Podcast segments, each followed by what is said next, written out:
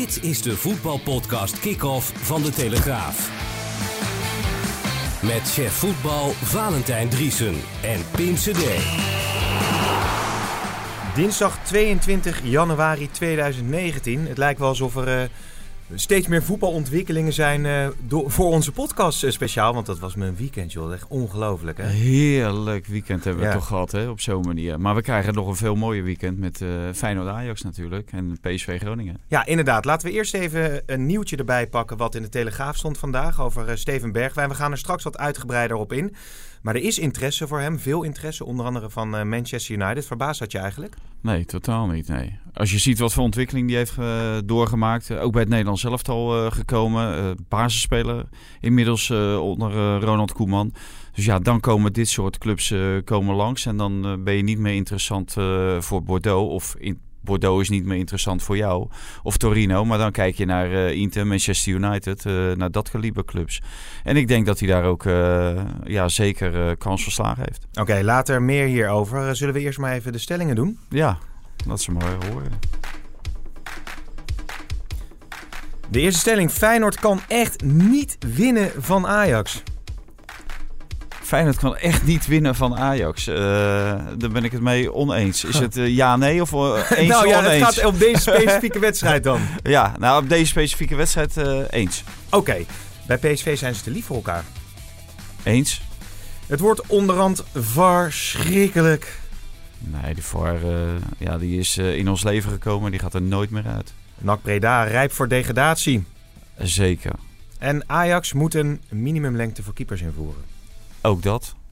Ja? Ja, natuurlijk. Dit, nou. Ja, het is natuurlijk afgelopen weekend wel gebleken dat Lamproe veel te klein is. Ja, daar hebben we natuurlijk heel veel over gesproken. Je schreef ook uh, onder andere dat je misschien de directie en de staf dat zou kunnen verwijten. Ja, zeker. Want die uh, staan iedere dag met hem op het veld. En als zij dit een goede keeper voor Ajax vinden, dan uh, hebben ze een enorme misrekening gemaakt. En ja. dat is heel, een hele dure misrekening. Sowieso twee punten. Uh, hij ging tegen Peck ook al in de fout toen hij inviel. Uh, ja, dat uh, kostte Ajax geen punten. Ditmaal kostte de Ajax twee punten. En de koppositie. En misschien wel het landskampioenschap. Dus ja, nee, dit, dit moet Ajax niet willen.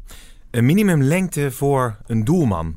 Het klinkt misschien een beetje gekscherend, maar ja. Nee, nou, het is natuurlijk een... Wat is een minimumlengte voor een, een doelman minimumlengte is uh, voor mij uh, minimaal 1,80. Je moet minimaal 1,80, ja, eigenlijk 1,85. Uh, je ziet bij alle grote clubs, zie je grote doelmannen. Bijvoorbeeld Dave, David de Gea. Die lijkt niet groot, maar die is ver boven de 1,80. en, en, en zelfs die denk je af en toe wel van, heeft hij genoeg rijkwijde? Dus, maar Kostas Lamproe heeft gewoon te weinig rijkwijde. Daar kan die jongen niks aan doen, want die is gewoon niet groter geworden. Te weinig uh, schop onder zijn kont gekregen misschien vroeger. Maar nee, uh, op dit moment... Is toch weer een met... flauw grapje dan, hè? Ja, ja, ja uiteraard wel. Moeten we niet meer doen, wat hè? je zeggen. Nou, waarom niet? Oh. Natuurlijk wel. Ja, nee, maar, dan... maar, maar het, het, punt is gewoon... Uh, de, de spelers van tegenwoordig, met de ballen van tegenwoordig... dat zijn, en dat heeft Jasper Sillissen ook een keer gezegd... het grote verschil tussen Ajax en Barcelona op de training... is dat die spelers van Barcelona harder schieten, zuiverder schieten. Ja, en dan ben je als keeper... heb je gewoon rijkwijde nodig. Hm. Er, kwam, uh, er komen veel vragen binnen aan, uh, aan jou, Valentijn. Dat is natuurlijk hartstikke leuk. Blijf dat ook vooral uh, toesturen. Um, een vraag die binnenkwam ook is van... ja, je kunt je wel alleen op Lamproef focussen... maar hadden ze niet gewoon Magajan moeten opstellen in het centrum... blind naar links moeten halen... zodat je gewoon een wat stabielere verdediging had gehad? Ja, nou, dat had zeker in de slotfase gekund. dan gaat uh, Mazraoui, die komt linksback te spelen... en Christensen rechtsback. Ja, Christensen is, vind ik, ook niet van Ajax-niveau... En met Magellan, uh, die heb, je niet voor niets gehaald. En die heeft het uh, redelijk gedaan in Florida. Maar heb je uh, als linksback heb je dan Daily Blind. Hmm. En dat is een speler die daar een Nederlands elftal spelen eigenlijk. Hè? Ja. Dus de linksback van het Nederlands elftal. En die laat je dan centraal staan. Nou, haal die dan naar linksback en zet Magellan dan eventueel centraal. Ja, ik vond het een verkeerde inschatting van Ten Hag. Oh jee. Ja, ja kijk, en dan, uh, ik, ik zal hem niet iedere week mee om zijn oren slaan. Zoals uh, de eerste wedstrijd, die inschattingsfout uh, met vier reserves beginnen mm. tegen Heracles.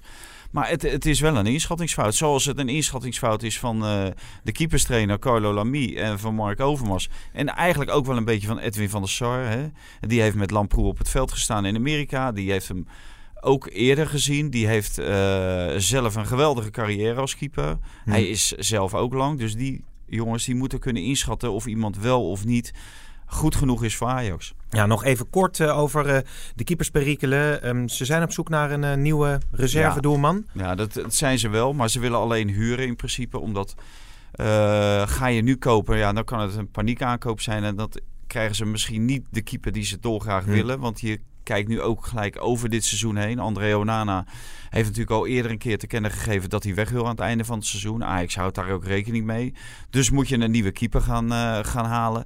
Maar ja, de keeper die je misschien heel graag wil, die zal nu op dit moment waarschijnlijk niet uh, haalbaar zijn. Maar ja, wat ik, wat ik ervan uh, hoor, hè, dan valt al de naam uh, Maarten Stekelenburg heel snel. Hè, die zit dan op de bank bij, uh, bij Everton. Maar ik denk dat Everton hem niet zo snel zal laten gaan. Plus dat Maarten uh, Stekelenburg natuurlijk de hele tijd niet gekiept heeft. He, die zit eigenlijk al, ja, ik geloof twee jaar op de bank ongeveer. Eerst bij Everton, daarvoor ook al bij Southampton. Maar ja, ik vind, ik vind, een hele interessante keeper, vind ik Vasiles Barkas. En dan gaan we roepen, ja, wie is dat in Nou, kom je daar zelf mee of heb je dat uit de club gehoord? Nee, nee. Nou, de, in feite, uh, hij heeft één keer bij Ajax gespeeld. Hè, met AEK ja. Athene. Heeft hij het echt geweldig gedaan. Uh, hij heeft een Nederlands paspoort. Zijn moeder heet, en dan moet ik even kijken, Christina Pronk uitzetten. Oh. Dus, uh, nou ja, de, de naam verraadt het ja. al. hij heeft een Nederlandse moeder heeft al eh, gespeeld voor het Griekse elftal. Dus kan niet meer eh, uitkomen voor het Nederlands elftal. Maar dat vond ik een hele goede keeper. Maar of hij die nu op kan halen, dat vraag, ik, uh, vraag ik me af. Maar uh, in, de, in de jeugdopleiding uh, hebben ze nog Dominique Kotarski. En ja. ja. daar zijn de meningen eigenlijk eensluidend. Dat dat een hele goede goal, doelman is. Maar hij is nog vrij jong om ja. die voor de leven te gooien. Moet ook niet vergeten dat ze Onana nog wel hebben. Het is eigenlijk voor de, voor de positie van tweede keeper op het moment dat er wat misgaat met Onana. Dus ja, maar je moet gewoon goed bezet zijn als je de Champions League speelt. KNVB-beker en om de nationale titel. Ik wil wel meer weten van die Pronk dan. Uh, of dat van, Mevrouw van Jan Pronk of uh, hoe dat dan allemaal zit. Maar ja. daar komt misschien een volgende podcast ja. wel meer aandacht voor. Laten we verder gaan met de titelstrijd. De titelstrijd. Ajax PSV. De stelling die ik uh, jou voorhield. PSV te lief voor elkaar. Dat hoor je wel een beetje binnen die club. Uh, ja, zelfgenoegzaamheid, dat woord viel. Uh, het, is, het gaat allemaal lekker, het kabbelt een beetje. Ja, dat was natuurlijk die wedstrijd tegen Emmen duidelijk te zien. Ja, dan moet je elkaar scherp houden. En je ziet dat er niks gebeurt als Lozano voor de tiende keer voor zijn eigen kans gaat en niet, niet afspeelt, uh, dan moet er iemand opstaan en zeggen van joh, waar ben jij nou mee bezig? En uh, hè, laten we het samen doen. Maar je ziet op het moment dat er een kans gemist wordt, hè, dan gaat het handje omhoog, sorry, sorry. En dan uh, iedereen accepteert het mm. maar. En dat, dat mis je wel een beetje bij het PSV. En tot dusver was dat nauwelijks zichtbaar, omdat het allemaal crescendo ging. De ene na de andere wedstrijd werd verloren. En ja, je, je ziet dat missers ook heel duur kunnen zijn.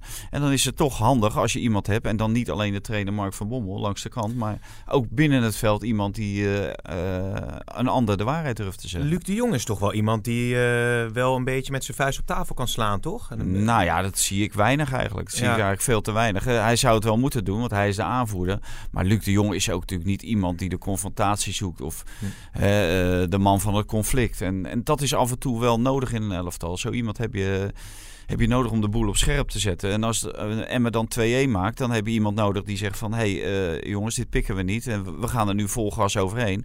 Nee, uh, wat deed PSV? Die liepen achteruit in plaats van vooruit. Ja, dan is er ook nog die interesse dus waar we het net over hadden voor Steven Bergwijn. Clubwatcher van PSV, Erik van Haren, die uh, zei er het volgende over. Um, ja, die, die interesse voor Bergwijn die, ja, die wordt eigenlijk steeds concreter. Um, het is bij heel veel clubs al bekend dat PSV hem deze maand niet wil laten gaan. Dat het echt in de zomer moet gebeuren. Maar daar zijn ze natuurlijk al eh, nadrukkelijk op aan het voorsorteren. Uh, Manchester United uh, bekijkt hem al langer. Die zijn steeds meer overtuigd. Geldt ook voor Inter.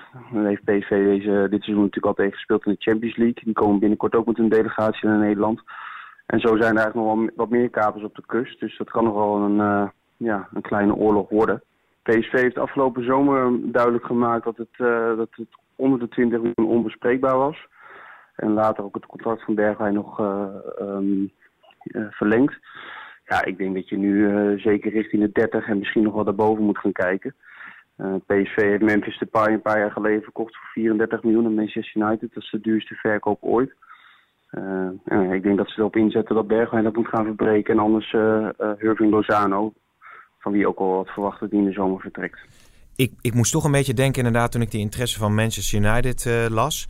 Ja, de paai heeft het daar niet gered. De druk is natuurlijk hartstikke hoog. Je moet Manchester Bergwijn willen en moet Bergwijn wel naar Manchester willen? Nou, ik denk dat ze allebei moeten willen, ja. Het, is een, een, geweldige club. En op het moment dat ze jou willen hebben, dat wil zeggen dat ze iets in je zien. En het is geen uh, bargain, het is geen koopje.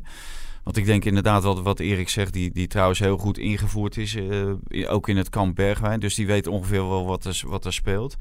Dus ja, en als, als daar 40 miljoen voor betaalt, dan ben je gewoon een serieuze, serieuze speler. Ook bij Manchester United kom je binnen ook als een serieuze speler.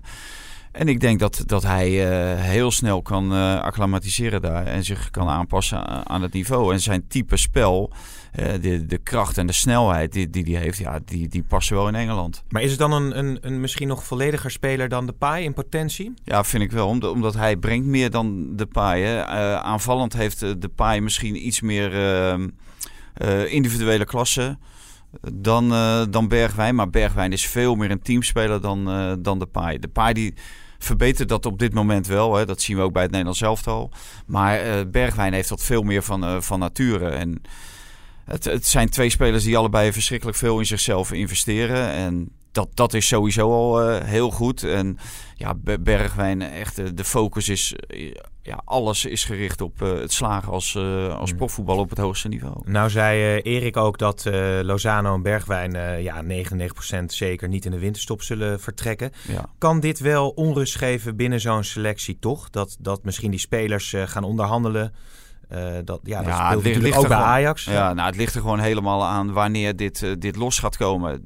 Bij, bij Ajax zie je dat ze hopen dat Frenkie de Jong voor 31 januari mm. alles rond heeft.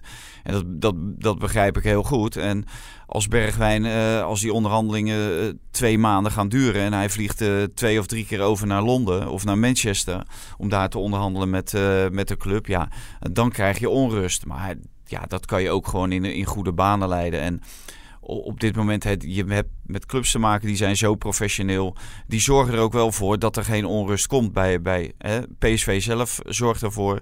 Bergwijn zal ervoor zorgen, maar Manchester United ook. Want ja, die kunnen ook wel eens in een ander uh, bootje terechtkomen. Waardoor zij uh, geconfronteerd worden met onrust hè, rond spelers en rond transfer van spelers. Dus ja, die weten echt wel wat ze doen. Dus daar geloof ik niet zo in. Nog een vraag die er binnen kwam um, over die titelstrijd. Hè. Nou, het, het wordt nu allemaal heel spannend. Moet Ajax misschien in de beker uh, tegen Herenveen niet met een B-selectie uh, gaan spelen om zich volledig op die titelstrijd te kunnen focussen? Nee, want dan, dan zou je, uh, dat zou impliceren dat je dadelijk in de Champions League ook met een B-elftal om je volledig te focussen op die titelstrijd. Want je weet nu eigenlijk bij voorbaat al dat je de Champions League niet wint. Dus, maar nee, dat vind ik gewoon onzin. Hij moet gewoon ervoor zorgen dat het team weer in een goede flow komt. En je kan ook zeggen van, hè, we hebben punten verspeeld tegen Herenveen. We gaan met het eerste team. En we zorgen dat we weer in de goede flow komen met dit team. Want Ajax is natuurlijk eh, 9 van de 10 keer beter dan Herenveen. Ja. Eh, en Herenveen gaat echt niet twee keer achter elkaar uh, punten pakken tegen Ajax. Nou, of Ajax uitschakelen in de beker, daar, daar geloof ik helemaal nee. niks van. Wie heeft denk je de grootste dreun gehad uh, door de afgelopen speelronde? Is dat uh, Ajax, uh, PSV of toch Feyenoord die op een broek kreeg door ah, het uh, van Jaap Stam? Uiteindelijk Ajax, omdat Feyenoord verliest er niks mee hè, met die wedstrijd tegen Pek Want die staan derde, die blijven derde en die eindigen als derde. Maar Ajax had de koppositie ja. kunnen pakken. Die wist ook al van PSV.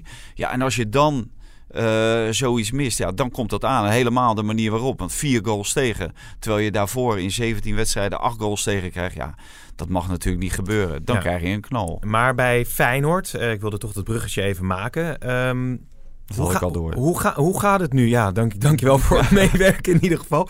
Maar hoe gaat het nu uh, bij die club? Um, het wordt meteen natuurlijk een cruciaal, uh, cruciaal weekend. Ook een cruciale bekerconfrontatie. Ja. Wat voor geluiden vang jij daarop? Nou, het, het, punt is, als ze doorgaan in de beker, dan zal het intern heel rustig blijven. Ga je niet door in de beker en daarna Ajax, uh, je verliest van Ajax, dan, dan wordt het natuurlijk ook onrustig binnen de club. Want dan gaan de, natuurlijk ook de panelen schuiven binnen de club van moeten we nog door en wat kunnen wij nog winnen? Of moeten wij alvast uh, vooruit gaan kijken naar het, naar het jaar daarop? Maar het zou natuurlijk van de zotte zijn als, als Van Bronckhorst daar de dupe van zou worden. Dat, uh, ja, dat, dat, dat gunt niemand hem. Maar dat, dat is het natuurlijk ook niet waard. Want in die voorgaande seizoenen en ook dit seizoen... heeft hij natuurlijk ieder jaar een prijs gewonnen. Dit seizoen onder andere de Johan Cruijffschaal. En dan kan iedereen wel roepen, ja, dat is een oefenwedstrijd. Maar ik denk dat Van Bommel toch graag die Johan Cruijffschaal had gewonnen hoor. Ja, maar uh, over die stelling nog even. Feyenoord kan echt niet winnen van Ajax. Um, dit keer, hè? Dit keer, ja. Het was misschien een beetje onduidelijk. Uh, ze hebben natuurlijk sowieso moeite om van Ajax te winnen. Maar jij denkt... Nee, ik denk dat uh, Feyenoord niet uh, kan winnen van Ajax. En Zei je ook over Feyenoord-PSV, hè? Ja, ja maar dat, dat ligt ook aan de kwaliteiten. Hè? Dat, vooraf, je, je weet natuurlijk nooit in wat voor omstandigheden zo'n wedstrijd wordt gespeeld. En misschien is Onana weer ziek. Uh, is hij weer aan de scheiterij? Dat weet ik natuurlijk. Op dit moment weet ik dat niet. Nee, dat kan je niet. Nee, en ik weet wel dat als uh, Lamproe in de goal staat, ja, dan maakt Feyenoord een hele grote kans. Ja. Maar zonder Lamproe, denk ik dat, en met Onana op goal, dan denk ik dat, dat Ajax gewoon een betere selectie heeft. En dat Ajax, uh, die spelen dan drie dagen daarvoor nog tegen Herenveen, maar dat zou best verwerkt zijn. Ja, ze nemen het wel uh, heel serieus. Logisch natuurlijk. Ik zeg dat omdat ze besloten trainen. Deze ja, maar neem, neem je het dan serieuzer? Nou ja, goed, dat is wel zo'n signaal van ja, de trainer ja, van uh, we, we, willen even alle koppen bij elkaar, geen potten kijken. Ja, maar ja, dan krijg je vijf trainingen achter gesloten deuren. Nou, worden de spelers daar beter van? Nou, daar, daar geloof ik niet in. Dat is zo van die amateurpsychologie. Ja, maar dan kan het er ook met drie of met vier. En misschien is de focus juist wel beter op het moment dat de mensen langs de kant staan. Dat, dat die gasten denken van, hé, hey, we moeten wel gas geven, want we hebben een wanprestatie geleverd. En als hier al die supporters zien dat we er met ons pet naar gooien, wat wel kan op het moment dat er geen fans zijn. Hè, omdat het moment uh, uh, daar is dat, dat niemand ze kan beoordelen op een training. Dus nee, dat, uh, dat belicht ik dan liever graag van de andere kant. Maar wat zegt het dan dat Feyenoord dat wel doet? Dat ze nou, eventjes onzekerheid, willen. Onzekerheid en, uh, en, en, een halve afleidingsmanoeuvre. En wat jij zegt, van naar, de, naar, naar buiten toe het signaal geven van... kijk eens hoe serieus wij ermee bezig mm. zijn. Nee, dat, uh, dat trap ik niet in. En uh, Dirk Kuyt die had een column in de Telesport vandaag. Het gingen natuurlijk allerlei geruchten dat hij volgend seizoen wellicht wel de coach wordt. Maar zei hij, ik ben nog hard aan het studeren. Ja, nou Dirk moet gewoon nog een jaar heel hard blijven studeren. Want om Dirk Kuyt nu hoofdcoach van Feyenoord te maken, dat zou waanzin zijn. Wat wel kan, is dat er in een nieuwe constructie, als Van Bronckhorst weg zou gaan, dat er een, een rol wordt gecreëerd voor Kuit in, uh, in de, of bij de selectie van, uh, van Feyenoord. Maar ik wil Dirk uit gewoon uh, liever nog een extra jaar zien bij of Jong Feyenoord of Feyenoord onder 19, wat hij nu doet, op, op eigen benen. laat hem eerst op eigen benen staan, want anders heeft hij een, een, jaartje op eigen benen gestaan. En dan wordt hij weer assistent. Ja, laat, laat hem nog maar door, want hoe het in die selectie gaat, dat weet hij precies. Ja, ik zit nog even te denken aan die klassieker die er natuurlijk aankomt. D dat wordt natuurlijk een sfeer ja, Feyenoord, nou ja. Feyenoord moet, moet. Ja. Die wil. Nou, Feyenoord moet, moet, moet. Tegen Fortuna Sittard. Uh, helemaal. Gek, ja, maar ja, dus ja. de, alle ballen op Fortuna Sittard en dan, komt, en dan komt Ajax nog even langs. Ja, dan komt Ajax nog langs. Ja, zo zou ik het Zo gaat het natuurlijk niet in de beleving van de, van de, van de fans. Nee, dan hoor je van, ja, die vinden Ajax belangrijker dan, dan de beker. Nou ja, dan ben je dus ook eh, geen echte fan. Want je, oh, nou. je wilt er ook graag dat ze volgend jaar Europees voetbal spelen. Nou, de kortste weg naar Europees voetbal is via de beker. Oké, okay. nou, dat, ja, dat is een uh, duidelijke uitspraak. We, weet je, ik gooi het fluitje er maar in. Ja, ik moet er nog even van bijkomen. Maar goed, uh, de VAR is verschrikkelijk, zei ik. Ja. Um, ja, wat was jouw reactie ja, daarop? Ja, ja, het is natuurlijk een nieuw, een nieuw fenomeen en uh, dat gaat uh, blijven bestaan. Want, en, en nu wordt het iedere keer wordt het, uh, juist benadrukt, omdat we die VAR-momenten hebben. En we zien het honderd keer terug en we krijgen nu ook de gesprekken tussen de scheidsrechters en de VAR krijgen we te horen. Nou. Dat, uh, daar zorgt de KNVB voor, waar ik blij mee ben. Zullen we ze meteen even bijpakken? Want ja. dit is een, uh, een discussie over natuurlijk dat veel besproken moment van, uh, van Lamproe. Um, het is een discussie tussen Serda Guzebuurk, de scheidsrechter, en de VAR Dennis Hiegler. Lamproe, Lamproe lost, daar is Lammers en wat doet uh, Guzebuurk? Die wuift het weg. En dan zal er ongetwijfeld iemand een aantal uh, monitoren gaan aanslingeren in Zeist om hier nog eens naar te kijken. Serdar, Serdar. Ja. Dennis hier. Um, jij vindt het een voetbalcontact, maar ik vind dat de bal uh, weg is. De keeper raakt helemaal geen bal en loopt hem omver. Ik wil dat je gaat kijken. Oké, okay, dan ga ik even checken. De keeper speelt geen bal, hè? Weet ik, maar geks naar het voetbalduel. Nee hoor, ik vind het te makkelijk. We gaan gewoon doorspelen. Oké, okay, prima. Ja, het is overigens een eh, fragment van Fox. eh, erg interessant. Hè? Die kijken achter de schermen hoe die VAR Ja. dan eh, ingrijpt. Het is leuk om dat inkijken te krijgen. Eerst nog even een vraag daarover. Want er zegt iemand, vond niet eens zo'n gek punt.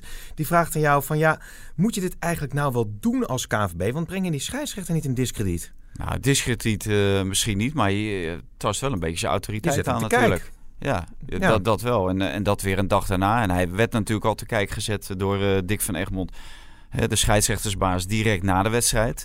Want die zei van eh glaszuivere penalty. Nou, Ja. Dan krijg je dit op maandag eroverheen. Ja, Op dinsdag krijg je eroverheen dat uh, Guzzebuurk geen wedstrijd eh, fluit in de Eredivisie komend weekend. Dus heeft dat Hè? er mee te maken? nou ja, dat zou natuurlijk heel goed kunnen. En, dan, Ja. en kijk, als je daar navraag naar doet, dan wordt er gezegd van even in de luw te zetten. Maar het kan natuurlijk ook zo gewoon zijn dat het een, een, halve strafmaatregel is.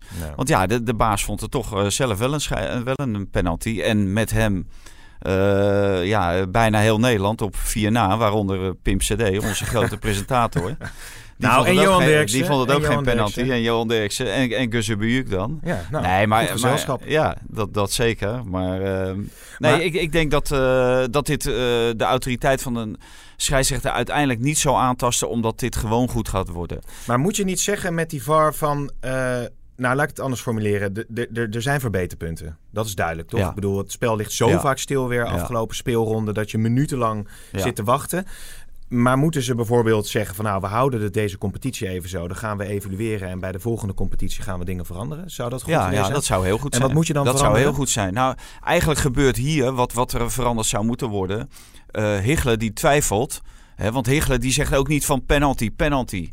Hè, zegt hij. Terwijl de, de regel is, eh, de, de VAR vraagt de scheidsrechter naar de kant op het moment dat hij vindt dat het een penalty Mhm. moet zijn. Of een rode kaart.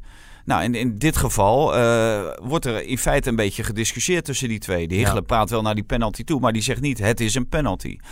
En eh Gusse Bujuk, eh, die is natuurlijk al eerder eh, op zijn nummer gezet. Want die had een rode kaart terechtgegeven aan Promes van VVV. En die gaat naar de kant en die wordt bewerkt door een VAR. En die geeft vervolgens geel. Waar, waar 100% goede beslissing aanvankelijk met rood. Dus ja, eh, je krijgt wel wat meer discussie eh, tussen twee scheidsrechters. En ja, dat blijft subjectief. Maar ik vind ook, in sommige momenten moet je eh, een scheidsrechter ook naar de kant kunnen vragen. om te zeggen van, ja, beoordeel ze deze situatie zelf maar. Ja. Want ik weet het zelf ook niet. En het is, het is jouw wedstrijd, dus bepaal jij het maar. Nou ja, in ieder geval volop in ontwikkeling. We halen NAC er nog heel even bij. Ja, Ehm, die komen natuurlijk vers uit de winterstop. Eh, Pierre van Hooijdonk die zit daar nu in het technisch hart. Ehm, ze staan er niet zo lekker op. Willem Nee. 2, nee, toch een belangrijke wedstrijd. Eh, natuurlijk Ja. een soort, soort derby is het bijna. Ja, en eh, ja, als je dan ziet hoe ze zich eh, gedragen in die derby. Hè, sportief gezien eh, lieten ze al niks zien. Nou, dan kregen ze ook nog een rode kaart. Maar wat, wat natuurlijk interessanter is, eh, iedereen in, eh, in Breda die is eh, eh, ja, weg van Pierre van Hooijdonk. Hè, het, het clubicoon. En die gaat nu zich eh, bezighouden met technische zaken. En wat, wat hij natuurlijk zelf tegen ons gezegd heeft, eh, ja, eh, het binnenhalen van spelers. Ja. Het, het spelersbeleid, daarin moet hij een belangrijke rol gaan spelen. En daar heeft hij dan 500.000 euro heeft hij daarvoor beschikbaar.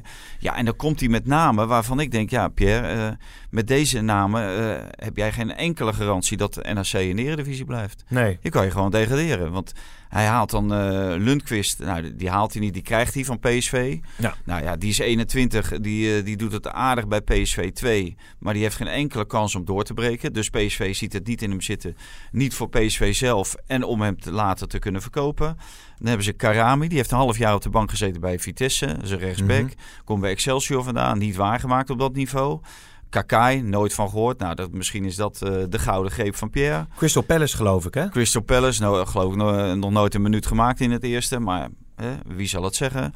En dan eh, zijn ze nog bezig met een eh, Australische linksback, Alex Kersbach. Nou, die kan pas komen op, dat, op het moment dat Australië is uitgeschakeld op de Asian Cup.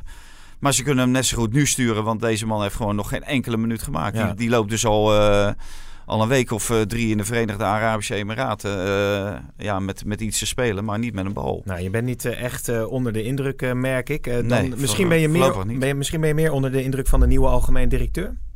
Wellicht. Henri van der Aat. Henri van der Aat. Nee, nee, maar daar moeten we de volgende podcast maar, uh, maar wat over roepen. Oké, dat is in ieder geval een mooie teaser om uh, volgende week dinsdag weer te gaan luisteren. Ja, we moeten ook wel een beetje naar die afronding toe. Ik wil nog uh, twee dingen bespreken met jou. Allereerst ja, moeten we denk ik onze excuses aanbieden aan mevrouw Veldman.